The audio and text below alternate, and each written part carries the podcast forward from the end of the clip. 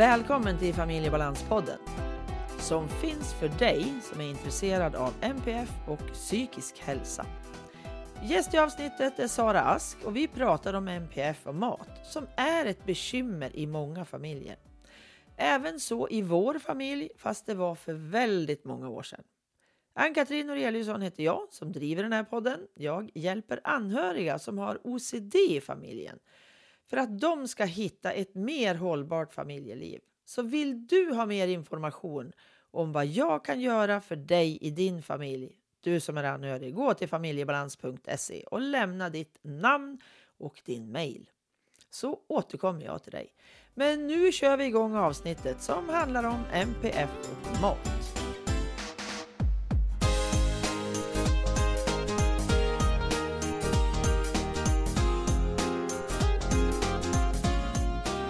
Hej Sara och välkommen till podden.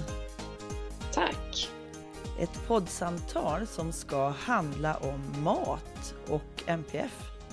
Jag vill allra först att du berättar lite kort om vem du är.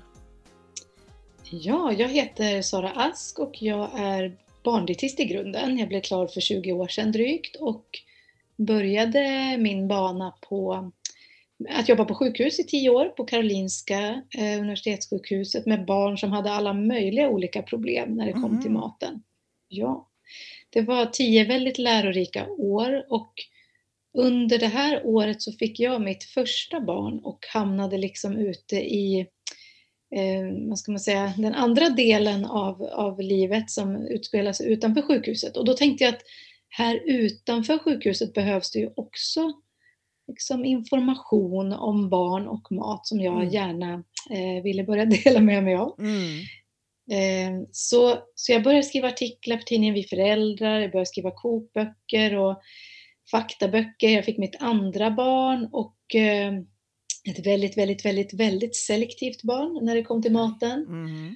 Eh, så jag började intressera mig extra mycket för den eh, aspekten som jag också hade träffat på mycket under mina, mina år på sjukhuset.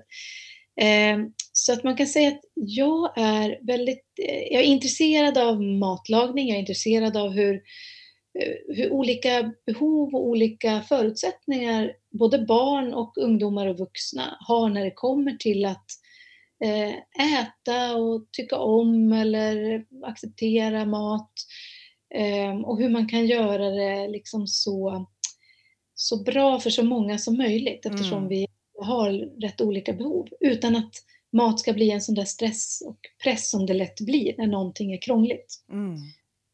Så det kan man säga är min bakgrund. Och nu, det vi ska prata lite om idag, det är ju just MPF och mat.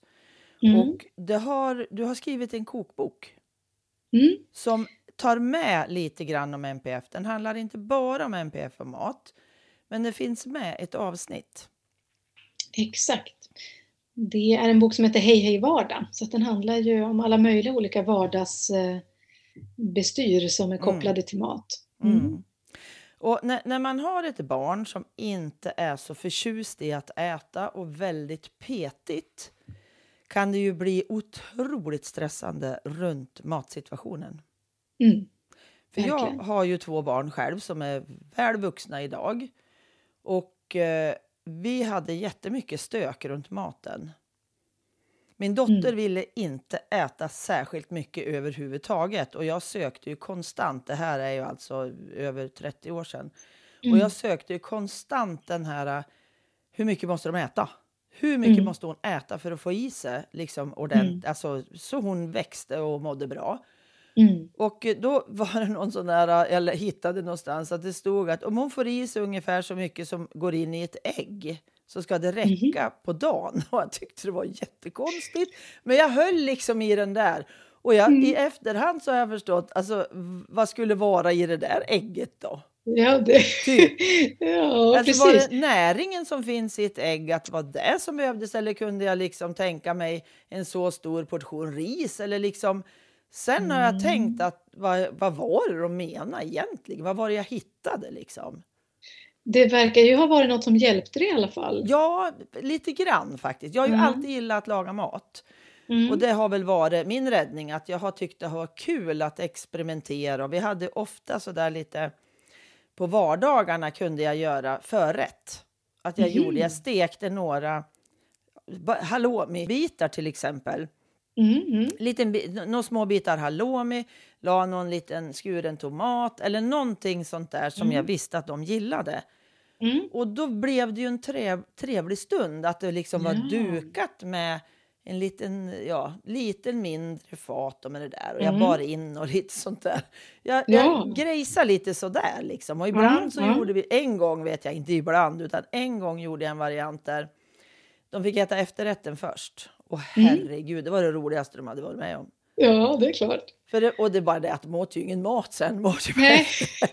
De blev mätta och belåtna på marängsvis. Ja, men typ. Men då fick Ja. det vara så den gången. Ja, För att det var ja. så många dagar som inte var så trevliga. Ja.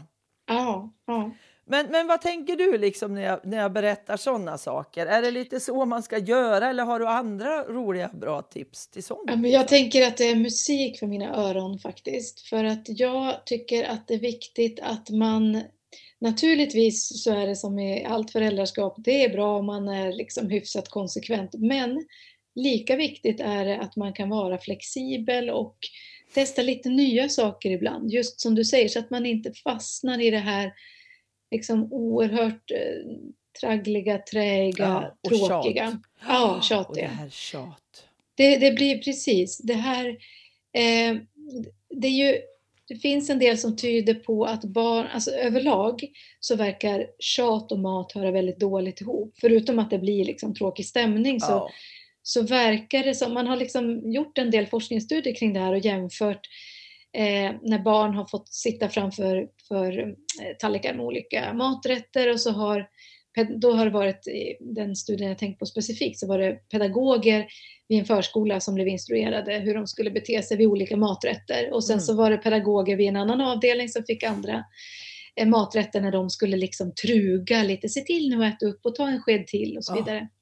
Och eh, i den studien så såg man att när, när man eh, ja, gick igenom resultaten så såg man att de rätterna som barnen hade trugats att äta, eller liksom tjatats Ja. på när de fick, de hade de ätit mindre mängd av än de som de fick äta fritt av. Och de uttryckte fem gånger så många negativa ord om den maten. Ah. Det är någonting som händer i barn. När, när, som, som att de liksom hamnar på sin vakt för att varför ska man, Ja. vad kan det vara i den här maten? Ja, typ. Är det någonting som inte, ja. Eh, och jag tror ju, det har jag inte, eh, liksom, eh, jag har inga siffror på det, men jag har en, en känsla av att barn där, där maten är krånglig, att de är extra känsliga för krav, tjat och allt det här. Mm. För att det blir på något sätt, det är redan, det är redan ett, en prestation nog som det är att sitta vid ett bord där det serveras mat som doftar som man kanske inte gillar. Och, Nej, det är liksom det sociala kring mål, måltiden och så vidare som kanske kan vara ganska komplicerad. Så att lägga på tjat till den bilden också kan göra att, att måltiden bara blir ett eh, gissel för Mm. både barn och föräldrar. Mm.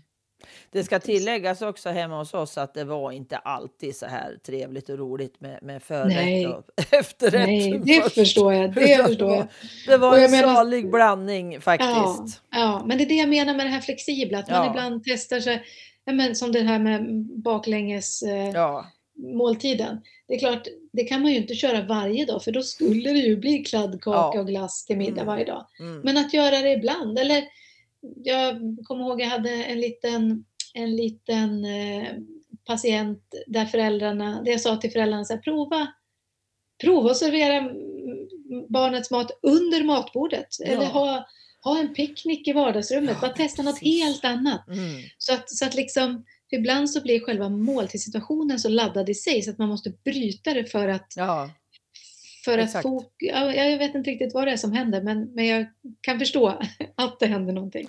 Jo, vi har Mm. ett antal bilder när våra barn åt som katter på golvet på, från Mm. en liten tallrik. Ja, Och, och alltså jag vet inte hur mycket de fick i sig, men det var i alla fall en trevligare stund. Liksom. mm, och jag ser att mina barnbarn vill ju gärna göra så också i bar, Mm. idag, ibland sådär, när de Mm. var kanske lite mindre än vad de är nu. Men just det där att, ja, att inte säga nej till sånt som inte spelar någon roll. Liksom. Vad kvittar Nej. det om de äter tre gånger från en tallrik på golvet? Det är ju liksom Ja, lite småkul, nej. tycker Ja. jag. Att Alltså, göra jag- det lite, lite opretentiöst liksom. Exakt, exakt. Jag fick en gång en fråga från en journalist om jag skulle, eh, om jag skulle föreslå en bonad som hängde i Mm. köken hemma hos barnfamiljer oavsett NPF-diagnos eller eh, bara vanligt eh, liksom, matkrångel. Mm. Så tänkte jag så här, ja men välj dina strider. Ja, det kunde ju vara en alltid. ganska bra Alltid. bonad. Och då är det Alltid. ganska få strider faktiskt som jag tycker är värda att ta kring mat. Ja, Det är sällan Precis. de är särskilt produktiva, nej. striderna. Men, men man, när man kommer till det här med att äta ensidigt. Min kära son hade en lång period där det enda han ville äta var pasta. Mm. Pasta och ketchup. Mm. Och jag vet att jag läste en hel del just det där. Ja, men det är som att äta, vad var det de skrev? Hallonremmar med eh, någon hallonsås på typ. Det var liksom fullständigt värdelöst. Men det var det enda han ville äta. Och Mm. jag tyckte det var jättejobbigt, för jag tycker inte ens Mm. att pasta är särskilt gott. Men för honom var det viktigt just då. Men alltså det Mm. vart ju bara socker, kolhydrater. Ja. Mm. Va, vad tänker du då? Jag tänker att den som sa att det var hallonremmar med hallonsås på, det var nog ingen nutritionist eller dietist, utan eh, så, så det håller jag inte alls med om. Eh, om vi börjar med den här frågan kring det ensidiga, så ibland när, när någon beskriver det här så, så gäller det här lunch och eh, middag men inte frukost. Men det här kanske var på riktigt det enda han åt morgon, middag, kväll. Mm. Mm. För så kan det ju vara. Alltså, när man pratar om ensidigt ätande så kan det ju variera enormt mycket. Men för Ja. vissa är det ju bara det är bara chicken nuggets, frukost, Ja. lunch, middag. Det är bara pasta till exempel. Eh, och i vanliga fall så brukar jag säga att eh, det, det sällan är något problem så länge som det inte pågår i månader och år. Det är Nej. klart att om man i flera år äter bara pasta och ketchup då kommer man få i sig för lite järn, för Mm. lite D-vitamin. Eh, om det bara är vatten som serveras till till exempel, inte till exempel mjölk som innehåller D-vitamin och kalcium. Men Så att, men om det är under kortare perioder, veckor, någon månad kanske, Mm. eh, då kan det definitivt fungera. Och faktum är att när det gäller eh, kolhydraterna som pastan är uppbyggd av så är det ju så att det är inte så ovanligt att barn som är petiga överlag, eller ungdomar eller vuxna, ändå har ganska lätt för bleka, stärkelserika, kolhy- äh, ja, stärkelse och Ja. kolhydratrika livsmedel som pommes frites, eh, möjligen ris om det inte känns för mjukt, eh, pasta, Mm. potatis, men det är liksom oftast brukar det ju vara i pommesform så att det är lite krispigt.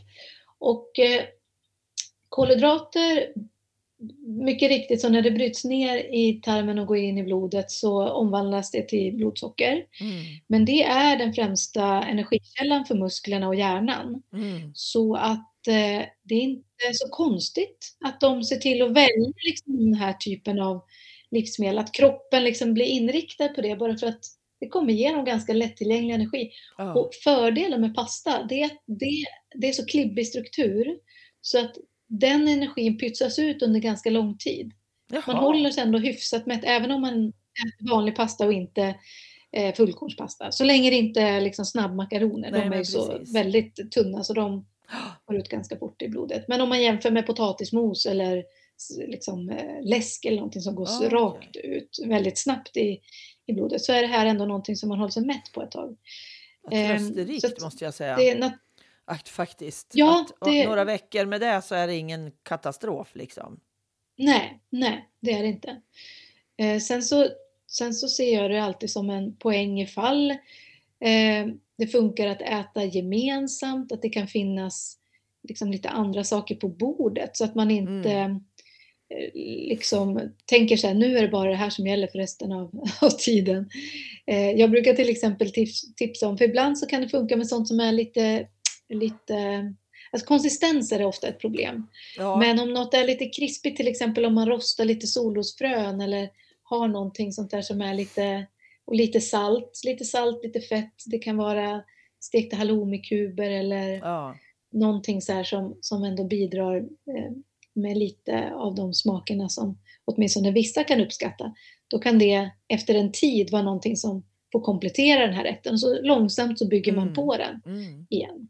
Jo, men och just att ha skålar med lite olika saker. Ja, Mm. ärtor är det ju många Mm. som gillar, eller Precis. majs eller Exakt, lite sånt där. Och det är ju inte bara Ja. socker. Det finns ju näringsämnen också i. Och att absolut. tänka att... Ja, men, och vi hade ju broccoli väldigt ofta. För Mm. det gillades, för det var små träd. Och då var ju det Ja. mycket roligare när det var små träd Ja. man skulle äta upp. Alltså Ja. vinklare och liksom att det finns lite olika... Lite, tänka tacos, tänker jag. Fast man men inte precis. äter tacos varje dag. Men alltså Nej. servera det i småskålar och så väljer man Ja. hur man vill.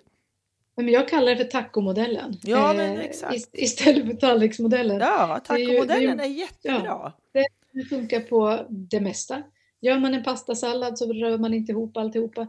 Nej. Gör man en gryta så ser man till att det åtminstone finns till exempel bulgur eller ris eller pasta eh, vid sidan av. Så att, liksom, så att det finns också rena, rena eh, livsmedel vid sidan av grytan som kanske det kan ju finnas någon som aldrig lär sig uppskatta en gryta. Det Nej, kan men finnas någon som har tio år på sig innan de eh, vågar provsmaka. Men då har de i alla fall sett andra runt omkring äta och överleva maten. Jo, kanske sortera ut och ta vissa delar. Att den måste inte ner i den här kletet. Liksom, Exakt. Vissa saker Nej. kan också få finnas bredvid. Att det där ska jag Ja. tillföra sen. Eller en gryta till de som gillar det. Och så Mm. lite... Vi har i, I boken har vi en eh, kikärtscurry som vi har gjort eh, med, vi, liksom, först gör vi en, en god bas som vi mixar. Den innehåller curry och vitlök och eh, vad heter det, eh, kokosmjölk, eh, krossad tomat och lite sånt. Så den blir liksom lite söt men ändå smakrik. Mm. Så mixar vi den så att den är helt slät. Och sen har vi kikärtor bredvid och lite bananslantar, lite jordnötter, lite sånt där man, Ja. som någon skulle kunna tänka sig gilla. Gillar man inte kikärtor så kan man steka kyckling eller någonting. Men själva poängen här är att vi rör inte ihop alltihopa Nej. till den här curryn utan den som bara vill ha då eh, ris och kyckling eller kikärtor eller bara ris och jordnötter till exempel äter det. Ja. Men den som vill ha av allt får Mm. i min, i min mening då en lite smakrikare, mer, mer kulinarisk upplevelse. Men jag brukar påminna om att de här individerna är ju sällan ute efter en kulinarisk upplevelse i, i våra andra, Nej, eh, ja, så som vi ser på det, utan de är ute efter en trygg måltidssituation där de känner Mm. att de är säkra på att, att det inte kommer något oväntat som de inte är beredda på. Mm. Exakt. Och, och att respektera att vi är olika. Mm. Det är faktiskt en av de främsta skälen till att vi så gärna ville ha ett kapitel om MPF och mat i vår bok också. Mm. Eh, Det är, riktas ju naturligtvis till alla som är berörda, i, alltså som har ett barn eller en ungdom eller för den delen en, en förälder i sin familj. Eh, men lika gärna vill vi ju att andra som inte alls har de här problemen bläddrar och läser och får en ökad förståelse. För det är så Mm. lätt Mm. för föräldrar som har barn som råkar vara sådana som gillar allt att tycka att ja, men de där bortklemade barnen, som, Mm. det är klart det har blivit så där för de har väl aldrig fått något annat. Och, och, alltså jag skulle önska ibland att alla föräldrar under tre dagar bara fick prova hur det var att ha barn som funkar på ett helt annat sätt med mat. Jag tror att ödmjukheten skulle bli avsevärt mycket större. Absolut, absolut. Mm. Och det här med, ja, för våran son han fick ju sitta själv periodvis, inte som Mm. straff, utan därför att han Mm. klarade inte av att vi smaskade. Nej, precis. Han hatade att höra Mm. oss slafsa och han har fortfarande problem med det. Mm. Så att vi har haft musik i bakgrunden nu för tiden då. Eller också Mm. så, så äter han först och vi sen. Eller han, Mm. då när han bodde hemma bodde han, då åt han inne på sitt rum. Mm. Därför Mm. att han klarade inte situationen tillsammans med oss. Och från Nej. början tyckte jag ju att det var förskräckligt att vi inte åt tillsammans. Mm. Men ju mer jag lärde mig och ju mer jag förstod hur svårt det här var för honom. För jag har också Mm. haft problem med just det här smaskandet hos andra. Alltså, Mm. Till slut så är det hela mitt huvud fullt av det är det enda smask. man hör till slut. Det är det Ja. enda jag hör. Så Ja. att till slut så var det så att han, han fick äta in hos sig eller sitta vid Mm. tvn och äta, för då åt Mm. han, annars åt han Mm. inte. Nej. Och då var valet enkelt till slut. Att, Ja. ja. men ät in hos dig, vi bär in en bricka och så får du äta Mm. där. Och Apropå välj dina strider. Ja. Ja, det är absolut. Man måste alltid tänka så att jag ska välja Ja. mina strider. Absolut. Det är jätteviktigt.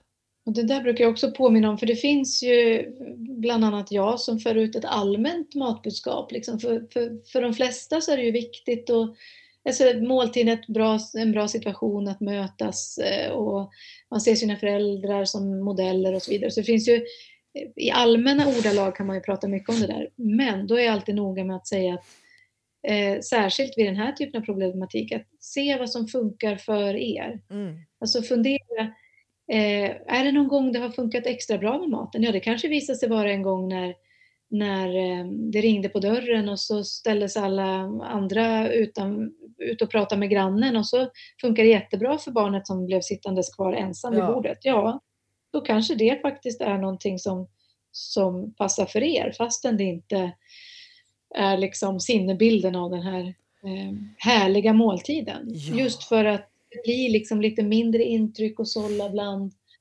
eh, och så. Mindre Och smask. bild, mindre smask. På bilden eh, som illustrerar det här kapitlet, då valde vi, för vi ville liksom ha en positiv bild. Vi ville Ja. inte ha bilden av någon som bara sitter och petar eller något. Så då tog vi, eh, vår illustratör fick i uppgift att rita en bild på en, en person som sitter med eh, brusreducerande lurar på sig. Precis. Perfekt. en del liksom för att Ja. eh, eller ja, de kanske inte behöver vara brusreducerande men, men ändå. Eh, Nej men i alla fall, precis. Eller lyssna på Mm. musik. Eller lyssna på musik. Ja, precis. ändra ha en lur i örat då, eller två Mm. eller bakgrundsmusik eller någonting Mm. som stör undan.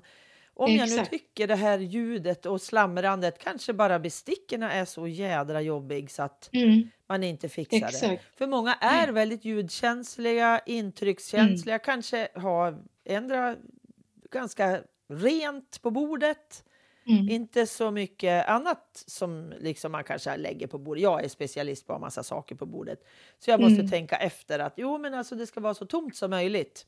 Det ska Mm. vara maten, kanske enhetliga tallrikar, inte jättemycket Mm. mönster eller sådär. Nej. Och för den som kanske spiller väldigt mycket, ha en bricka Mm. under eller någonting. Mm. För att det inte ska bli irritation. Exakt, exakt. Att man motar liksom, att man, att man är lite förutseende med vad som antagligen kan komma att hända. Ja, men och, precis. Och det jag kanske vet att det här kommer ju jag att irritera mig på. Att Mm. halva bordet är smuligt och det har runnit ut mjölk och vi ska springa och torka upp. Eller eh, bryr jag mig inte så spelar det ingen roll. Men Mm. Nej. för den som känner att det kan vara lite, det skaver i mig. Vad Mm. händer i den här måltiden då? Ja, men Mm. ha en bricka då, eller något som Mm. suger upp det bra. Alltså någon tablett under eller. Exakt, så man inte behöver störta upp. Och På det sekunder, ja, liksom. Nej, precis. Och liksom där, men vad gör du? Och så. Ja. Nej. Nej men det är som du säger nu jätteviktigt för, för bara för att man har barn eller ungdomar eller eh, andra runt sitt bord med den här typen av problem så innebär det ju inte att man själv liksom får från ovan någon slags här, superkraft som gör att man liksom har världens tålamod och kan tackla det här hur bra som helst i alla lägen. Utan tvärtom så kanske man, man har så många olika bollar man Ja. behöver hålla i luften så man får svårare eh, att vara den man vill vara vid varje måltid. Alltså Mm. man äter ju många gånger. Det, det är ehm, Det är ju så. Självklart så att det inte kan funka smooth varje gång. Mm. Men mer om din bok, eller er bok. Ni är ju Mm. två som har Mm. skrivit. Precis, vi är Berätta två som har lite. skrivit. Ja, det är eh, jag och eh, Lisa Bjärbo. Vi har skrivit eh, man kan säga att kanske en tredjedel av boken är faktatexter om allt från hur smaksinnet utvecklas till vilket näringsbehov som barn har. Just det här, så här hur, hur mycket behöver man äta, liksom, de här frågorna. Ja. Eh, till då en ganska stor receptdel med fotografier på varje rätt. Och, eh, där vi framför allt vill visa så här, hur man kan komponera måltiden för att så många som möjligt ska våga smaka på den. Ja. Så då visar vi ju bilderna till exempel. Är det en pastasås så kanske sitter en förälder som har vågat ta av allt. Och så kanske ett barn som faktiskt bara har pasta på sin tallrik eller Mm. de här solrosfröna eller någonting. Eh, och vi är också noga med att förklara att det behöver inte vara en komplett måltid för att eh, räknas som måltid, utan det viktiga här är ju att, att alla kan äta sig tillräckligt mätta för att orka med till, Mm. till nästa måltid. Mm. Och sen har vi en illustratör som heter Louise Mm. som har fått eh, illustrera vanliga ja, men liksom den där situationskomiken som kan uppstå. Eller det är inte alla gånger så komiskt heller. Men, men Nej. igenkänning kan man säga. Ja, Kring- men precis. Mm. Så det är egentligen alla år som du har jobbat med människor, alltså från små till Mm. stora, som har Mm. gjort att du ville göra den här boken. Eller Mm, så är det definitivt. Ja. Så är det definitivt. Jag och Lisa har gjort eh, kokböcker ihop förut. okej. Som, ja, som har varit mer renodlade kokböcker. Och jag har skrivit ett par faktaböcker om barn och mat som har varit renodlade faktaböcker. Men så kände vi att vi ville liksom slå ihop det här bara för att visa på både, liksom, här har vi teorin och här har vi praktiken. Så här kan det se ut, men det kan också se ut på massor av andra sätt. Mm. Men eh, de här verktygen eh, vill vi skicka med. Och så får man välja eh, det man tänker passar hos en själv. Allt, alla är ju olika, Mm. både som individer och som familjer. Ja, men precis. Mm. Men, men vad vad- vad är din högsta önskan med den här boken? Jag, jag förstår ju egentligen vad det är, men vad, vad hade du framför dig i tankarna när ni började planera den här boken? Eh, ja, men jag skulle ju vilja att den når ut till så många eh, familjer som möjligt.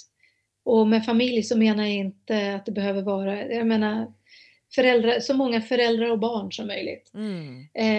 Bara för att jag önskar så många föräldrar och barn som möjligt eh, en hjälp att välja sina strider. Eh, många föräldrar till exempel tror att om, om barnen inte gillar grönsaker då är det farligt och då måste de kanske eh, tjatas och tvingas Ja. i, grönsaker till exempel. Eller just det där att det måste vara en viss mängd som ska ätas för att det ska räknas eller en viss variation. Mm. Och det kan ju sk- skapa en väldig stress både hos föräldrar och hos barn. Mm. Och jag tänker att det finns så många saker som är ansträngande med att vara förälder. Så om dessutom maten blir mer komplicerad än vad den egentligen behöver vara Mm. så tycker jag att det är lite harmligt. Ja, men att ta Ja. bort lite av skulden. Precis. För det är ju mycket så det blir. Alltså jag känner Mm. mig liksom så usel som förälder om jag inte får i Mm. min, min unge med ADHD och autism kanske, eller bara Mm. det ena. Och jag känner ju mig helt värdelös. Alltså ungen Mm. äter ju inte. Och Och- vi har ju haft problemet att de inte vill äta på morgon. Mm, Och få det- tagit det- med sig liksom till Mm. skolan. Få med sig Mm. mackor eller frukter eller vad det nu kan vara för någonting som Mm. de äter. Att det är ju krångligt när de inte vill äta på morgonen. För jag är jättes... Alltså jag är en enorm stor ätare till frukost. Mm. Men Mm. det är väldigt många som inte är det. Det är ju det. Och vi har ett kapitel som, eller en, en textdel som, som handlar om att alla är olika, där vi tar upp bland annat det där. Vi tar upp allt ifrån att jag koriander smakar olika i munnen på folk Ja, och beroende på hur det precis. smakar kan man tycka det är gott eller mindre gott. Ja.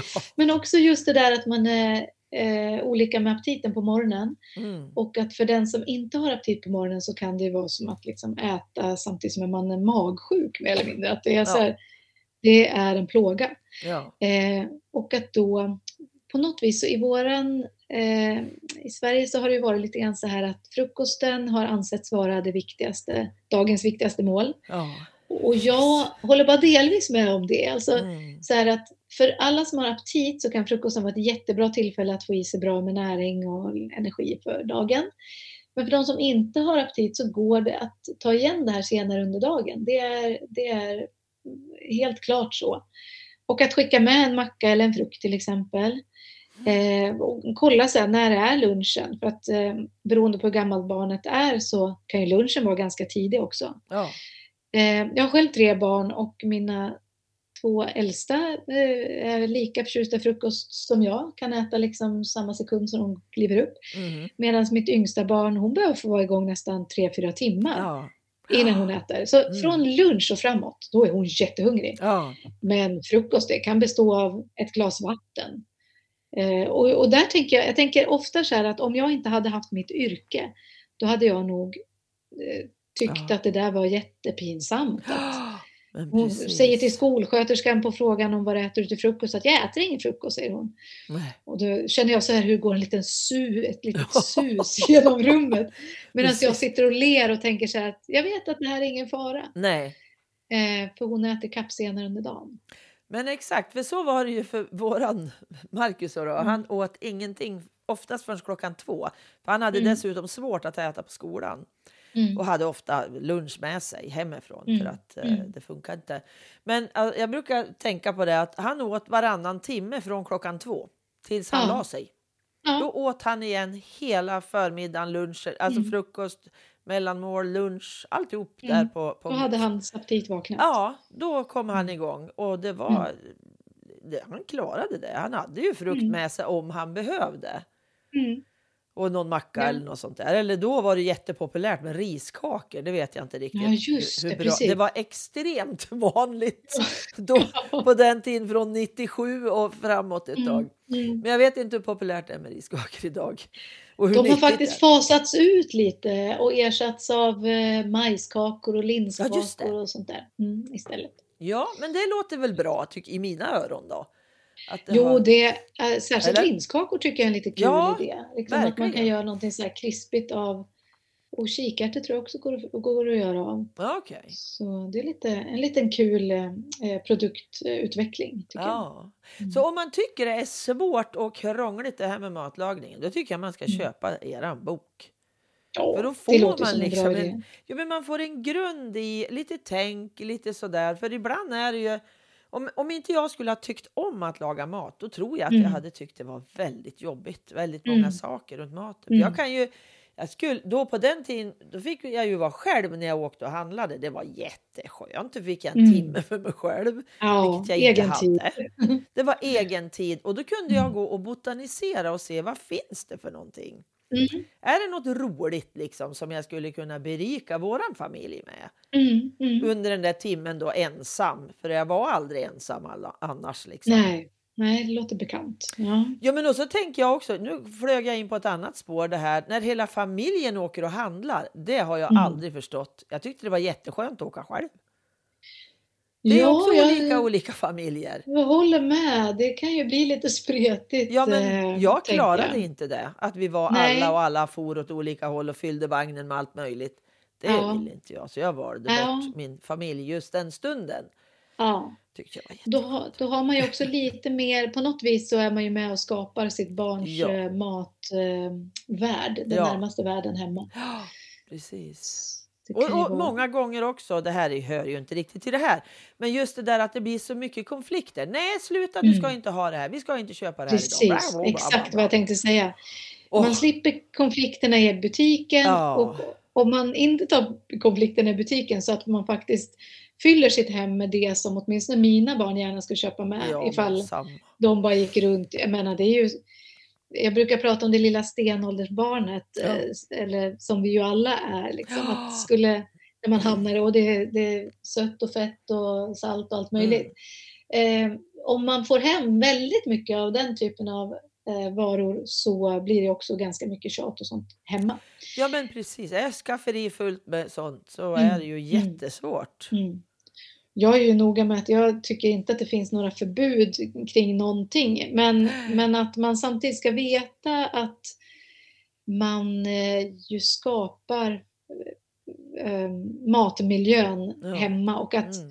det är jättesvårt för både barn och vuxna att eh, hindra sig själv från att äta det man har hemma. Absolut. Kroppen vill liksom ha det mest lättillgängliga. Ja, Och vi föds ja. ju med en förkärlek för sött och fett Ja. och salt. Så finns det lättillgängligt sött och fett och salt, då kommer vi äta Absolut. upp det. Ja. Och så blir aptiten på middagen ganska mycket lägre för kanske hela familjen. ja, men precis. precis. Och när jag, när jag var riktigt duktig periodvis, Mm. då fick Mm. de när, de när de, men får jag lite, kan, åh, får jag en macka och så innan vi skulle äta.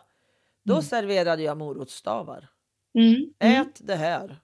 Mm. Och det var ju inte alltid glada miner, det kan jag ju inte påstå. Men det kändes bättre i mig. än att de åt mackor, för då åt de inte mat sen, för de hade inget Nej, precis. Alltså. Så. Mackor är ju någonting som, det är verkligen comfort food. Det, Mm. det, det nästan, finns nästan inget, ingen person som inte gillar mackor. Nej, Eller inget barn som inte gillar mackor. Eh, Det är lättätet så- liksom. Det är väldigt lättätet. Eh, samtidigt som grönsakerna som varken är särskilt eh, feta, söta eller salta. De kan man behöva ha lite aptit för att bli nyfiken på. Alltså för att det ska vara mödan värt. Att, Ja, men precis. så om man Knastra sig. utnyttjar, exakt, om man utnyttjar aptiten och just det där som du säger med morotsstavar. För att många, för många som är petiga, oavsett om det är eh, NPF-diagnoser eller bara allmän petighet, så Mm. brukar krispighet vara en framgångsfaktor. Mm. Att få någonting som är lite krispigt och knaprigt. Till exempel relativt många tycker att det är okej att äta knäckebröd. Mm. Eh, om de inte tycker att det låter för mycket eller gör ont i munnen. Ja, så, Precis. så tror jag att det är nog väldigt många fler som accepterar att äta knäckebröd, även om det är mycket fullkorn och sådär, jämfört med mjukt pumpernickelbröd med mycket fullkorn till exempel. Ja. Eh, eller flingor av olika slag brukar jag också kunna gå ner hos en del. Eh, Mm. Nötter och sådana grejer. Att Ja men, precis. ja men just att rosta lite mandel eller nötter om man nu tål det då. Ja, det är ju också jättebra. sådär. Och jag brukar droppa på, vill jag ha lite salta så droppar jag på soja. Mm, Den här, supergott. ja, Ja, inte den japansk här. kanske? Ja, den japanska, Mm. precis. Den heter något som jag inte kommer ihåg. Tamari heter den. Ah, ja, precis. Ja, den, Den- är ju jättegott. Brukar jag droppa Mm. på lite grann så att man får en, en anings, anings saltkänsla. Det behöver ju inte liksom Exakt. vara saltade jordnötter liksom. Nej, nej. Och då får du också in den här umami-smaken. Den som Ja, är precis. liksom, eh, gör att det vattnas i munnen. Ja, låter som jag är jättepräktig, men det här gör inte jag jämt. Men ibland. Nej, jag tycker det låter som att du är väldigt, väldigt eh, innovativ Ja, men en, intresserad. Jag har ju alltid Ja. Det här Ja. med mat och bakning och så. Det har inte alltid funnits Mm. tid till det. Men det har ju gjort att jag har velat ta reda på och lära mig Mm. mer. Liksom. Jag hade ju, Mm. det sa jag ju till dig där precis innan vi började inspelningen, att jag hade ju en Mm. dröm någon gång där när Marcus var 8-9 år. Och början kanske på, vad blir det då, 2000-talet? Mm. att eh, utbilda mig inom mat. För att Mm. just det här med information, jag älskar ju information. Och att Mm. få göra det då i maten som jag tycker är så spännande. Ja. Men det blev inte. Det fanns inte tid och tillfälle och Nej, ork till det. Så det vart inte. Så det vart lite annat sen. Ja. Men, eh, ja, men man, man behöver ju ha ett litet intresse för att göra det enklare för sig själv. För det är ju där det blir. Det blir lättare Ja. för mig om jag gör några små saker runt omkring. För att Exakt. inte bli irriterad och arg varenda gång man ska äta. Ja, men det är just det där att få syn på eh, konsekvenserna av olika små... Ja. Jag brukar prata om att det, ganska ofta så finns det ganska små skruvar man kan skruva på Ja. kring en situation. Mm, Eh, och de kan ha ganska stor effekt, särskilt på sikt. mm. Det är ju sällan som någonting bara, att man märker jättestor skillnad imorgon. Nej, men, det är exakt. Men just att exakt. det kan faktiskt eh, på sikt, och då brukar jag, det, är, det kan låta väldigt präktigt, men jag brukar ofta prata om så här, att ha just ledstjärnan så här, att det ska vara så lite krav och press och så mycket Ja. glädje som möjligt som man kan uppbåda kring maten. Liksom. Det är ju lättare sagt än, än gjort. Men, Mm. men när man står och funderar, så här, vad, ja, men många föräldrar frågar mig till exempel, de har kanske barn eller ungdomar som sticker iväg från bordet. Så här, hur ska vi tänka då? Ja, alltså för det första naturligtvis försöka optimera så mycket som möjligt så att, det, så att barnet är tillräckligt hungrigt, att, att maten som står på bordet är komponerad på sånt sätt så att det finns någonting man kan äta sig mätt på. Mm. Eh, att det kanske finns andra som äter runt omkring eller inte beroende på vilket barn man har att göra med. Precis. Eh, och att man, att man liksom inte ställer krav på barnet som är orimliga. Det här med bestick till exempel. Mm. Det är många barn som har svårt med grovmotoriken Ja, och då är det kanske enklare att, Ja, alltså, apropå tacos igen, så, Ja. det, att rulla ihop och äta. En, exakt. en mamma sa till mig så här, Mm. mina barn de äter allt som jag rullar in i ett tortillabröd. Och jag tänkte så här, perfekt, liksom, ja, rulla på. suveränt. Ja, Ja, ja, ja. Att, att, det, absolut. att man men, försöker hitta fram till vad som funkar för oss här och nu. För det är Ja. också den där grejen att bara för att det är så här det behöver vara just nu så behöver det inte att det behöver vara så om tio år. Vi har ju ett uppslag som handlar om barnets matresa Mm. eh, i boken. Eh, där det ju absolut är så att vissa barn som är jättepetiga nu kommer kanske inte bli gourmeter innan de flyttar hemifrån heller. Men, men hos de flesta så blir det ändå en lite mer stabil situation. Det är sällan som maten är ett jättestort problem Nej, dag ut och dag in. Eh, Men det är ofta som man inte riktigt kanske märker alla gånger när det blir bättre. Så kan man komma ihåg, kommer du ihåg Ja. när X var åtta år och vi hade det här problemet? Ja just det, ja Mm. det var jobbigt. Mm. Jo, men just nu är världens bästa uttryck. Mm, tycker mm. jag. För det precis. kan man Det använda i så många olika eh, situationer. Att Mm. just nu är det så här. Även när någon Mm. mår väldigt dåligt. Som, jag Mm, träffar ju jättemånga precis. som mår väldigt dåligt. Mm. Och komma ihåg det här. Just nu mår du så här. Det Ja, kommer inte det du kommer att göra för evigt. Nej. Nej, det är Och det jätte, kanske finns ett just nu imorgon också med maten eller så. Mm. Men inte kanske när vederbörande är 20. Nej, precis. Vi har, vi har också ett uppslag som handlar om vad man kan svara barn som säger olika saker. Och då finns det nog ett barn som säger jag tycker inte om det här. Eh, Och då säger nog föräldern så här, nej men du tycker inte om det här än eller? Nej, du tycker precis. inte om det här just nu. Eh, Men du behöver inte bestämma att du aldrig tycker om det här utan Nej. nej, och det är ingen brådska. Det är ju aldrig särskilt bråttom faktiskt. Nej, men precis. Och jag tänker all, allt vi har pratat om MPF handlar ju inte bara om MPF. Det, alltså den grunden man kan ge till barn Mm. som har en problematik, den grunden Mm. passar ju alla. Det är ju så. Det är ju verkligen så. Ja. Eh, Men det, det jag tänker att eh, jag vill att eh, vuxna får, alltså som vuxen så har man ju ätit, man tar ju så många tuggor i hela sitt liv Ja. så att man, det, det går på rutin liksom. Men just eh, både när det gäller barn överlag och specifikt barn med NPF och ungdomar och vuxna med NPF så vill jag att eh, andra runt omkring förstår så här, att äta innebär ju en involvering av alla sinnen. Ja. Allt från hörsel och doft och syn och smak och känsel. Mm. Eh, och har man då eh, en annorlunda tolkning av de här sinnesintrycken eller att, Mm. att de generellt, att man känner starkare doft och starkare, doft kan ju till exempel vara någonting som gör att eh, eh, en elev inte klarar av att äta i Matsalen. skolan, Nej, matsalen. Eller som du säger, mm, eh, hörsel, liksom, att Ja. man hör det här smaskandet, klirret med besticken. Det kan göra stor skillnad bara man lägger en duk på bordet så att det är lite, lite, lite dämpat Då var det, ja. dovare. Men att man får en förståelse för vilken, alltså vilken utmaning för sinnena det är att, eh, att äta och att delta i en måltid. Så att man blir, eh, ja, försöker anpassa det som kan anpassas. Mm. Mm.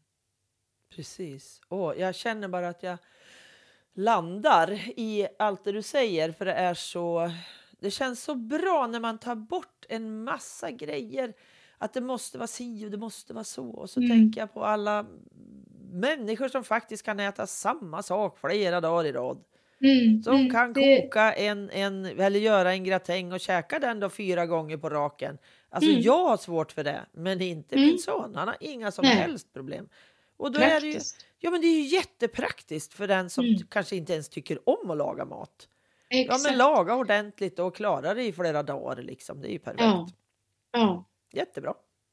Ja, eh, jag kommer ihåg eh, en intervju med, och nu kommer jag inte ihåg vilken befattning hon har, men hon är ju en högt uppsatt polischef eh, från Dalarna tror jag. Jag skulle ju såklart ha kommit ihåg hennes namn, men hur som helst, hon intervjuades och så fick hon säga någonting om mat och då visade det sig att hon äter samma middag varje dag. Det var en lammgryta. Ja. Eh, och jag, Mm. ja, jag tycker att det, det är någonting charmigt med det.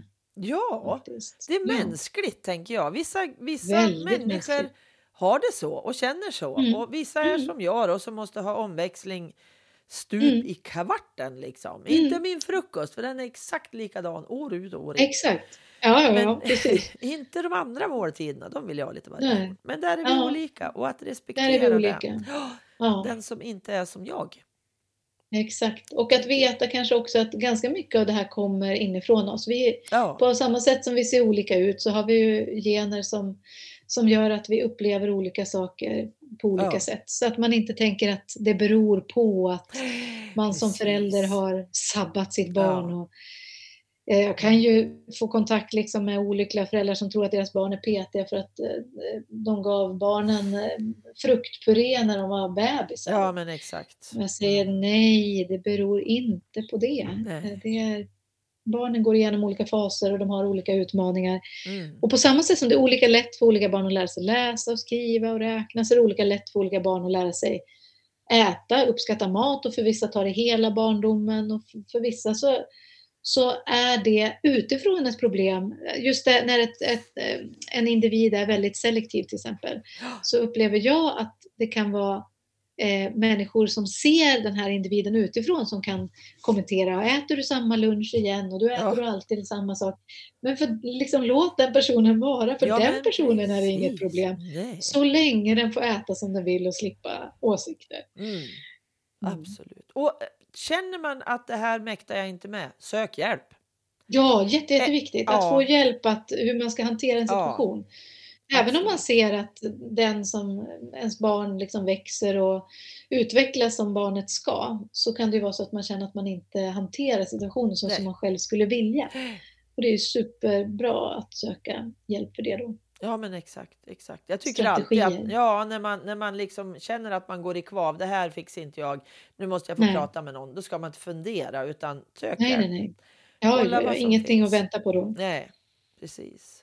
Jag Mm, tänker att vi ska avrunda detta väldigt intressanta samtal tycker jag. Ja, men så trevligt Ja. att ha varit och prata. Ja, och det är så kul för du är en hälsing du med. Jajamän, Och dessutom ja. från samma stad som jag. Ja, det var ju häftigt. kul. Vi har gått på samma gymnasium. Ja, men Ja, precis. Jätteroligt. väldigt Och det visste vi inte, för vi kände inte till varandra överhuvudtaget Nej, nej, för några veckor sedan. Jättekul, lite extra roligt med det där lokala tycker jag. Då. absolut.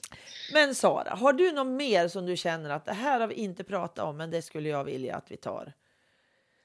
Eller trycka Ehm. på något som vi har pratat om eller sådär. Nej, jag tycker det har varit så uttömmande frågor och eh, samtal.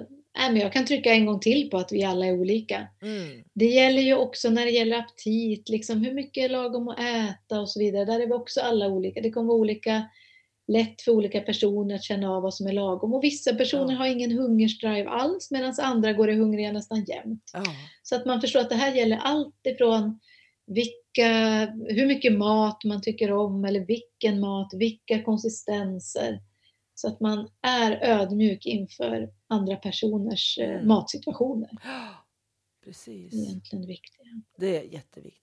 Och att man som, som vuxen gärna får klappa sig själv på axeln. Ja, För det är ju en ganska otacksam uppgift att laga mat till personer som kanske inte älskar det man gör. Nej. Jag tänker så här, otack är världens lön. Det är ju en annan bonad man skulle kunna sätta upp. Så att man kan behöva vara den som klappar sig själv på axeln ifall Ja. nu inte de här små mat, matgästerna gör det. Som, som. Nej, verkligen så. Ge sig Mm. själv en stor bamsekram. Fy fan vad bra du gör det som håller på att laga mat varje dag. Ja, ja Helt exakt, klart. exakt. Bra sätt att sluta på att ge sig själv en stor kram. Ja, det är trevligt. Tack Sara för att du ville vara med i Familjebalanspodden. Men tack för att jag fick vara med. Ha det så gott. Samma. Hej då! Hej då. Tack för att du lyssnat och tack till Pelle Zetterberg för musiken, till Pernilla Wahlman som fotade mig, till Marcus som har fixat poddloggan och till Anders för att du redigerar mitt prat. Vill du skriva en recension på Familjebalanspoddens podcaster appsida? Konstigt blev det där. Men inne i podcaster så kan man skriva en recension och jag skulle bli jätteglad om du ville skriva något där. Hoppas vi hörs igen. Hej då!